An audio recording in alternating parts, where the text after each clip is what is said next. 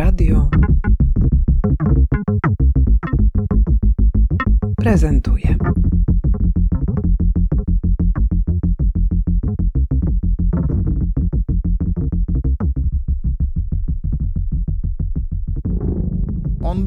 Osobą, która z jednej strony miała olbrzymią ilość talentów, bo był i pisarzem, i publicystą, projektował meble, wnętrza, architekturę, neony, a jeszcze też muzyką się trochę zajmował, ale też, no jak to osoba, która ma zbyt wiele, no to trwonił to. Dariusz Błaszczyk, jestem historykiem sztuki, właściwie bardziej architektury, reżyserem, scenarzystą, artystą multimedialnym i od czasu do czasu, raz na parę lat piszę książki, monografie architektoniczne. Jesteś autorem znakomitej i pierwszej tak rozbudowanej biografii Juliusza Żurawskiego.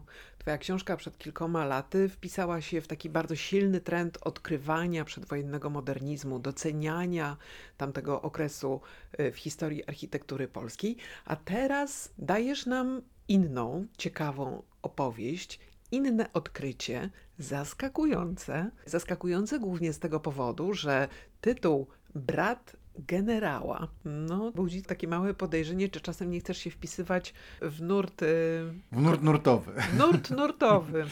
No nie. więc wytłumacz proszę. Po pierwsze, o kim jest ta książka? I y, czy jednak nie zastanawiałeś się nad tym, żeby dać tej historii, tej opowieści, o której za moment powiemy więcej, inny tytuł? Yy, nie, zupełnie nie. Wydaje mi się, że brat generała jest na tyle intrygujący i właśnie też trochę prowokujący, że od właściwie prawie miesiąca, kiedy była premiera książki, potwierdza to tylko słuszność tego wyboru. Natomiast szczerze mówiąc, ten tytuł pojawił to, on jest mój, ale tak naprawdę to zawołanie brat generała przylgnęło do mojego bohatera, czyli Jerzego Sostkowskiego, ponieważ przez cały okres dwudziestolecia międzywojennego, właściwie wszyscy go tak nazywali, no bo rzeczywiście był bratem generała Kazimierza Sostkowskiego, natomiast no y, różne tam były oczywiście meandry rodzinne, natomiast bynajmniej nie był to y, typ powiedzmy taki wojskowy i grzeczny, bo był czarną owcą, więc tym bardziej było to dla mnie ciekawe. A dlaczego Jerzy Sosnkowski? Jerzy Sosnkowski rzeczywiście jest przedłużeniem moich badań nad e, Żurawskim, ponieważ współpracowali i był on współautorem pierwszego takiego, właśnie w ogóle pierwszego nowoczesnego dźwiękowego kina w Polsce, czyli kina Atlantic, które do dzisiaj istnieje w trochę innej formie, nawet bardzo innej formie. Natomiast e, Dlaczego akurat on? Właśnie on troszkę jest, y, y, pojawił się jako, jako pewien e, wynik moich badań nad kręgiem Żurawskiego, gdzie pracowało bardzo wielu y, architektów wybitnych, a zapomnianych. Natomiast Jerzy Sosnkowski, właśnie ta książka to jest bardziej o super barwnej postaci, artyście, który na, na wszelkie przejawy życia patrzył okiem architekta, bo on nie miał aż takich dokonań, powiedzmy, stricte architektonicznych, natomiast jeżeli chodzi o pewne kwestie na przykład publicystyki architektonicznej, e, o kwestie na przykład estetyki miasta, o kwestie urbanistyki i tak dalej, pewnych regulacji, no to był zdecydowanie osobą prekursorską w, w Polsce, znaczy w Polsce, w Warszawie, i zupełnie też zapomnianą. I chociażby to, że był y, w latach 30. był inspektorem artystycznym miasta stołecznego Warszawy, który zajmował się bardzo szerokim y, jakby takim pojęciem miasta nowoczesnego, metropolii, no wydaje mi się, że akurat taka, mm, y, takie stanowisko przydałoby się do dzisiaj. Tym bardziej, że właśnie te jego teksty y, chwilami są niezwykle y, współczesne i y, do dzisiaj intrygujące i niektóre problemy, o których on pisał, były nie, są nierozwiązane do dziś albo jakoś tam dziwnie rozwiązywane. Więc stąd się mniej więcej wziął Jerzy Sosnkowski i tak naprawdę to, żeby właśnie pisać książkę o nim, wzięło się od jego felietonów architektonicznych, które były kompletnie też nieznane, a ja w trakcie poszukiwań znalazłem ich bodajże ponad 160, czyli nagle z, z pozycji no-name'a, no on jest teraz, jeżeli chodzi o spuściznę tych międzywojennych architektów, jeżeli chodzi o takich e, architektów, którzy pisali teksty, prawda, no to on jest właściwie chyba w czołówce, o ile nie na topie, chociaż trzeba przyznać, że to nie są teksty stricte teoretyczne, prawda, on miał, on miał pewną taką predylekcję do bycia propagatorem modernizmu i nowoczesności, i właśnie te jego teksty, y, wszelkie, i artykuły, i, i y, felietony, były skierowane do takiego zwyczajnego y, odbiorcy, i on właściwie się zajmował propagowaniem nowych idei, propagowaniem nowej estetyki Co jest ciekawe, w związku z tym, że miał bardzo lekkie pióro, bo w ogóle był osobą wielu talentów, on wykorzystywał w sposób znowu kompletnie prekursorski w Polsce i nie wiem, czy, czy nie w Europie, że e, jakby te jego felietony architektoniczne publikowane w, w Kurierze Warszawskim, one jakby wspierały jego działalność y, w, no, jako, jako tego inspektora artystycznego.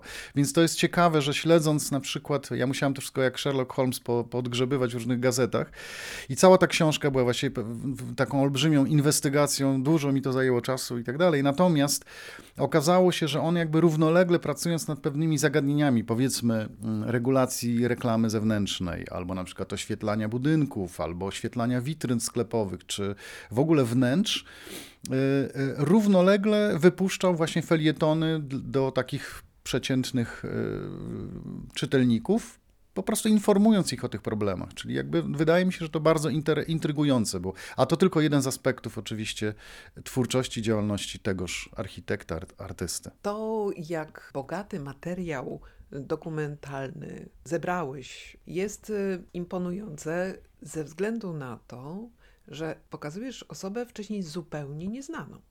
Jak tak wyraźna, widoczna, rozpoznawalna osoba w y, okresie przedwojennym w Warszawie mogła zupełnie w pamięci zapaść się pod ziemię?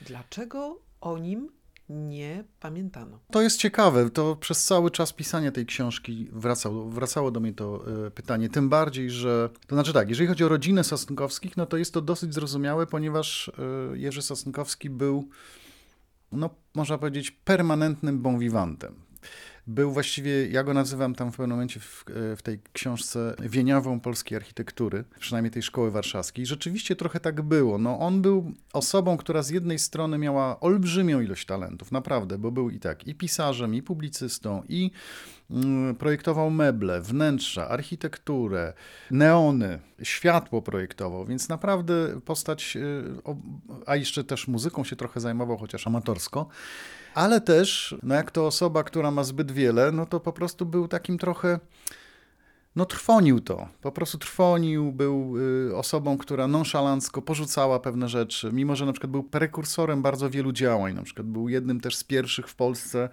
tej nowej Polsce drugiej, RP, e, reporterem, tak zwany, on, on tworzył reportaże literackie z różnych podróży europejskich i tak dalej, a w momencie, kiedy zaczęło to być modne i tam Wańkowicz się pojawiał i tak dalej, to on sobie to odpuszczał. Więc to jest taka ciekawa też historia tego typu postać. Więc wracając, dlaczego o nim nic nie było wiadomo? Szczerze mówiąc, jeszcze zanim ja się za, zacząłem nim zajmować, to o Jerzym Sosnkowskim, o którym tam czasami coś się słyszało, brat generała, brat generała, no to jeszcze powiedzmy z 10 lat temu, może troszkę nawet y, mniej, no to było o nim wiadomo dosłownie kilka, kilkanaście zdań. I ja szczerze mówiąc, nie, na początku nie badałem jego stricte jako jego, tylko przy okazji różnych innych nazwisk, typu, nie wiem, Zygmunt hrabia Plater-Zyberg, czy, y, czy Zbigniew Piórzet, też mało znani, ale bardzo wybitni architekci międzywojnia. Co jakiś czas, jak patrzyłem, o, tu no, Jerzy Soskowski, tu Jerzy, to sobie to zbierałem, tylko coraz więcej miałem, coraz większy miałem znak zapytania w głowie, no bo mm, ta, ta postać mi się pojawiała, a to jako rysownik, a to jako plakacista, a to jako organizator wystaw, a to coś tam.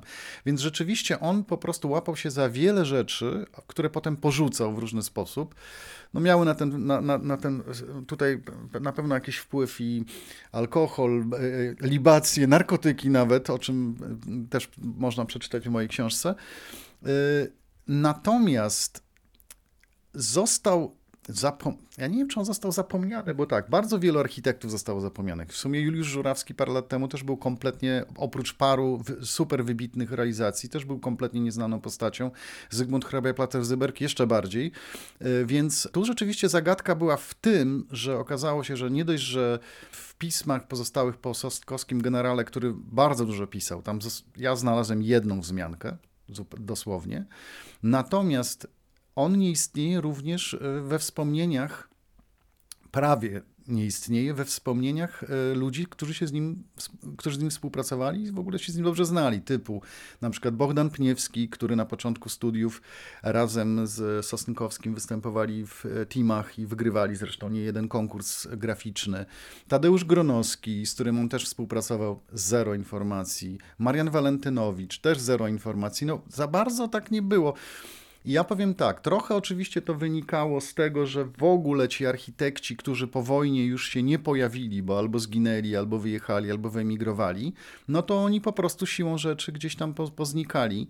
Plus oczywiście troszkę za tym Sosnkowskim ciągnęły się różne takie ciemne, dziwne zakręty y, sprawy z czasów międzywojnia to nawet nie wiem, czy one były takie oburzające, no bo tam myślę, że nie jeden był y, Birband, prawda? Chociaż on rzeczywiście, ja jak badałem tą jego autobiografię, to też posługiwałem się jego opowiadaniami, które, w których są liczne, liczne wątki autobiograficzne. No ciekawe to było składanie.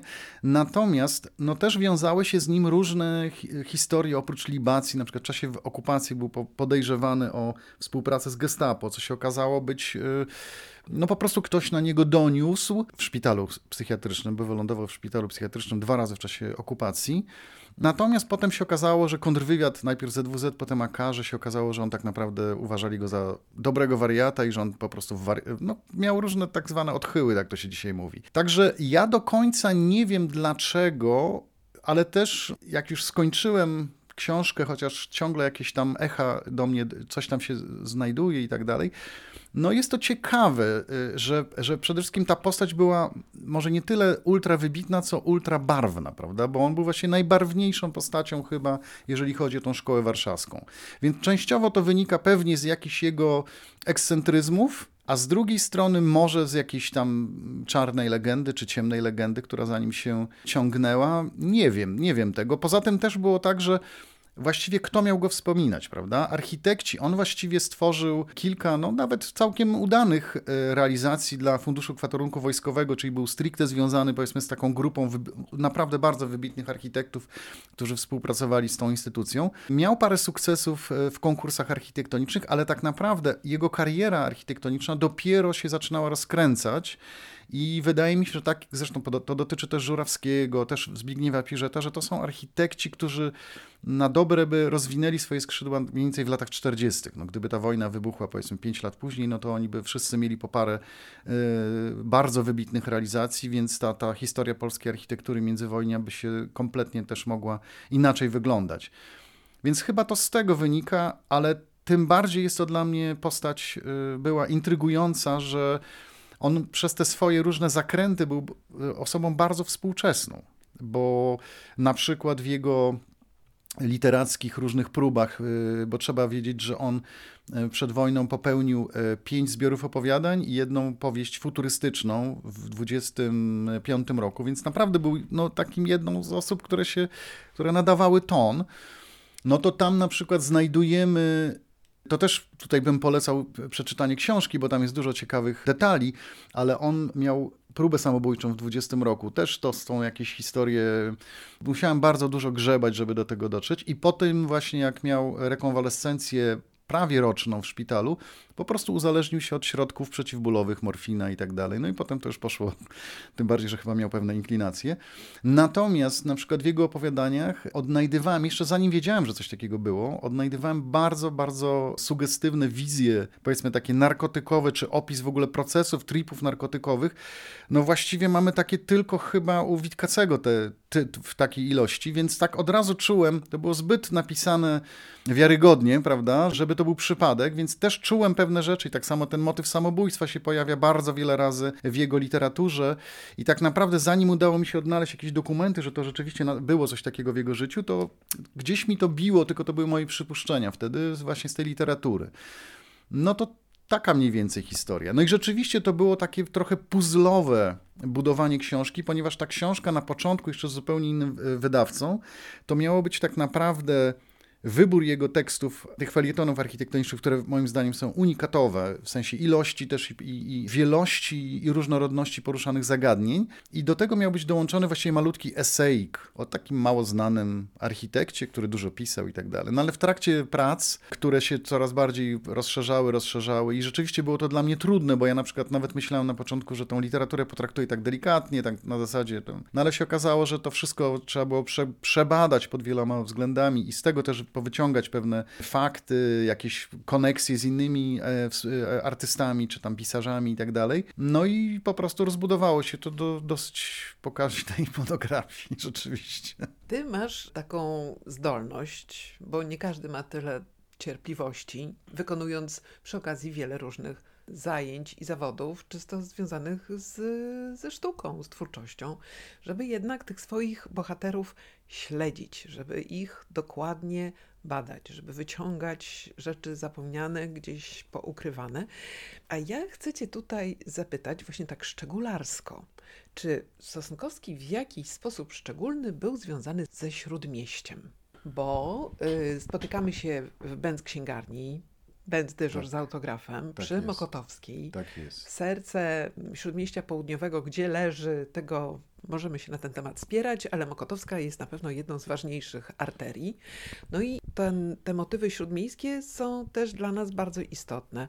Czy tu coś byś szczególnie wydobył z tej historii. E, jeżeli nie mówimy o sytuacjach towarzysko-imprezowych, to... A nie, no mówimy. Tak? Oczywiście, no przecież przy Mokotowskiej mieszkała cała masa no tak, ciekawych tak, tak. osób, które ostro lubiły balować, no ale tak. jednocześnie były ważne dla historii Polski. To znaczy, powiem tak, na pewno to, co jest istotne, jeżeli chodzi o śródmieście Warszawy, y, od strony takiej projektowej stricte, no to przede wszystkim jest to oczywiście Kino Atlantik, lata 29-30, no kompletna rewelacja i on przez całe lata 30 była uważany za jedno z takich najbardziej nowoczesnych kin.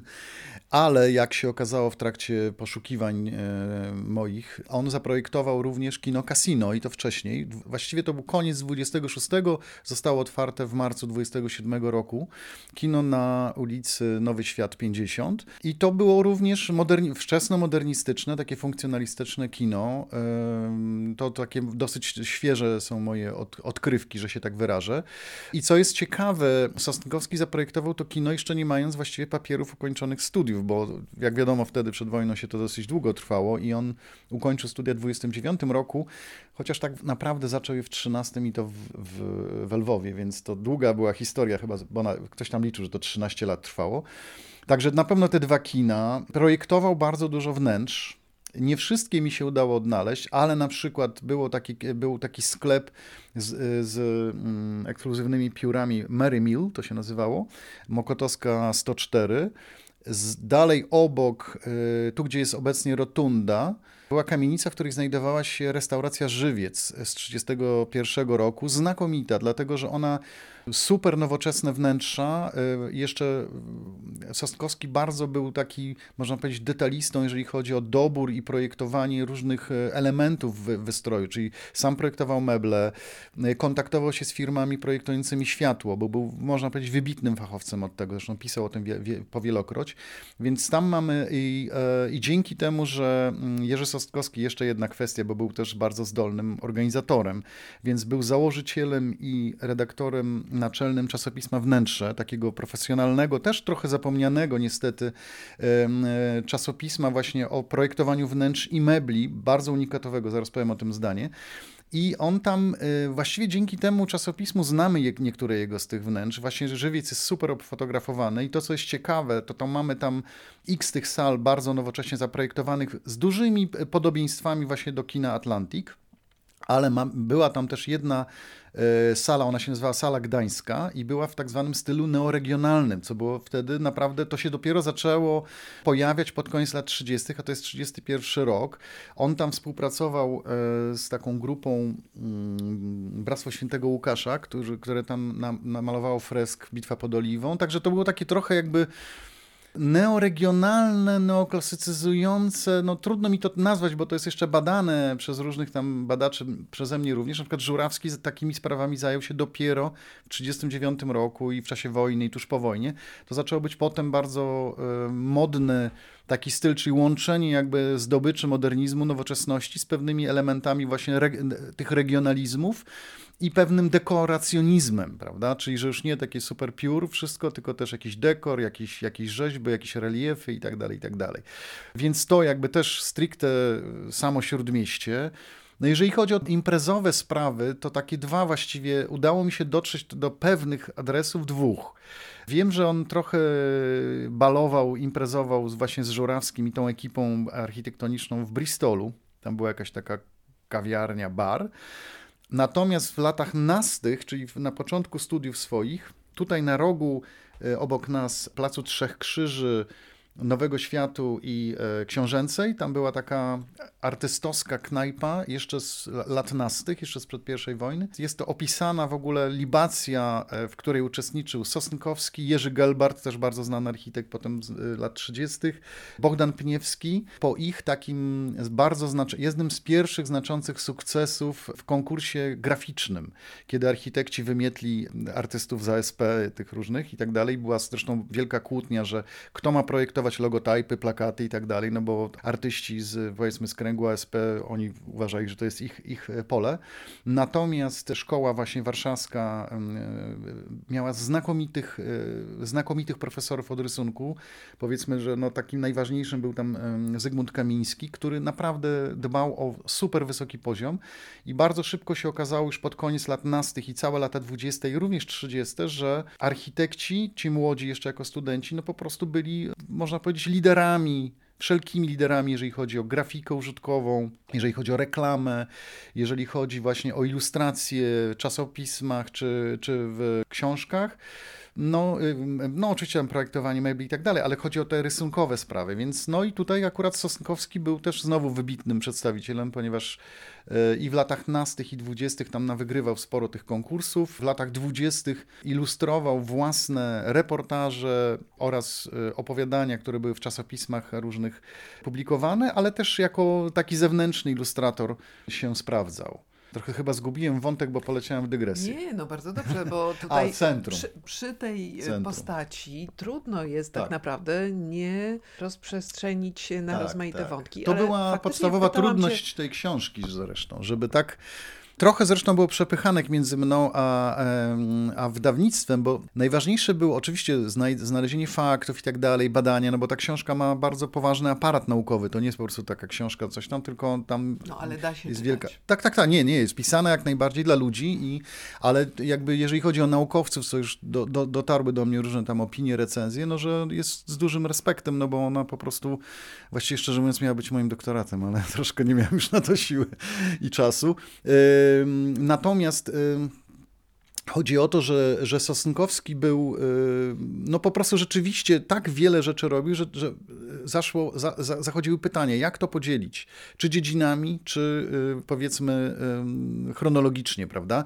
W związku z tym, że chronologicznie bywały tam pewne dziury, a zwłaszcza jeszcze w trakcie pracy niektóre oczywiście zalepiałem, bo znajdowałem pewne sprawy, ale generalnie no były lata, czy w ogóle momenty, kiedy nie było wiadomo, co on robił, więc Mm, jakoś tak pomyślałem, że będzie, będzie zgrabniej, żeby to wszystko było uszeregowane, jeżeli chodzi o pewne te działy jego, y, powiedzmy działki jego, jego aktywności różnych artystycznych czy publicystycznych. No i tak to rzeczywiście zostało zrobione. Polecamy Twoją książkę tym, którzy szukają jednak y, dowodu na to, że nie tylko pragmatyczne, poukładane, skoncentrowane na pracy osoby są w stanie twórczo rozpychać wyobraźnię swoich czasów. Twoja książka dowodzi, dowodzi właśnie tego, że takie postaci dodają rozmaitych nowych wątków, nawet jeśli ceną jest później zapomnienie. To prawda. To znaczy powiem tak, że ta książka oczywiście dużo mnie kosztowała pracy, bo ja szczerze mówiąc, jak ją zaczynałem już tak poważniej pisać, już wiedziałem, że mam kontrakt i tak dalej, to wydawało mi się, że będzie fiubździu. A potem jak się okazało, że wpadłem w te wszystkie kanały, no to trwało to mniej więcej dwa razy tyle czasu, ile, ile sobie założyłem. Natomiast w momencie, kiedy już naprawdę czułem, że już mam dosyć tego, to książka mi też dała, tak jak mówiłem, no Jerzy Soskowski miał wiele, wiele swoich tajemnic, natomiast jedna z tych tajemnic spowodowała, że dostałem na koniec już właściwie tej mojej przygody, no też bonusa bardzo dużego, ponieważ ta książka mnie zawiodła do Buenos Aires, gdzie on e, zmarł. W momencie, kiedy ja pisałem tą książkę, to było, było bodajże pięć wersji jego śmierci i miejsc. W ogóle nie było wiadomo, było tam zmarł po 1945 roku, była wielka mgła.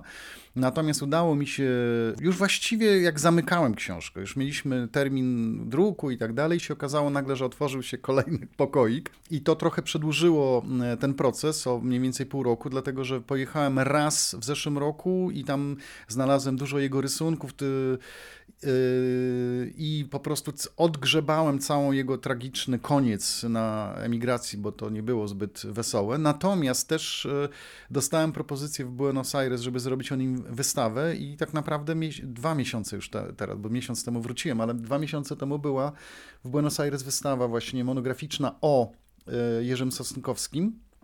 Co ciekawe, e, po tej wystawie jedna z pań e, bardzo leciwych, która pamiętała jeszcze Jerzego Sostkowskiego, ale to, jest, to też polecam tutaj, żeby zajrzeć do książki, zaintrygowana wykładem, który miałem na finisarzu, po tygodniu zadzwoniła do mnie, że właśnie w domu swoich teściów znalazła kolejnych pięć nieznanych akwarel, więc ciągle się coś tam dzieje wokół tego tematu.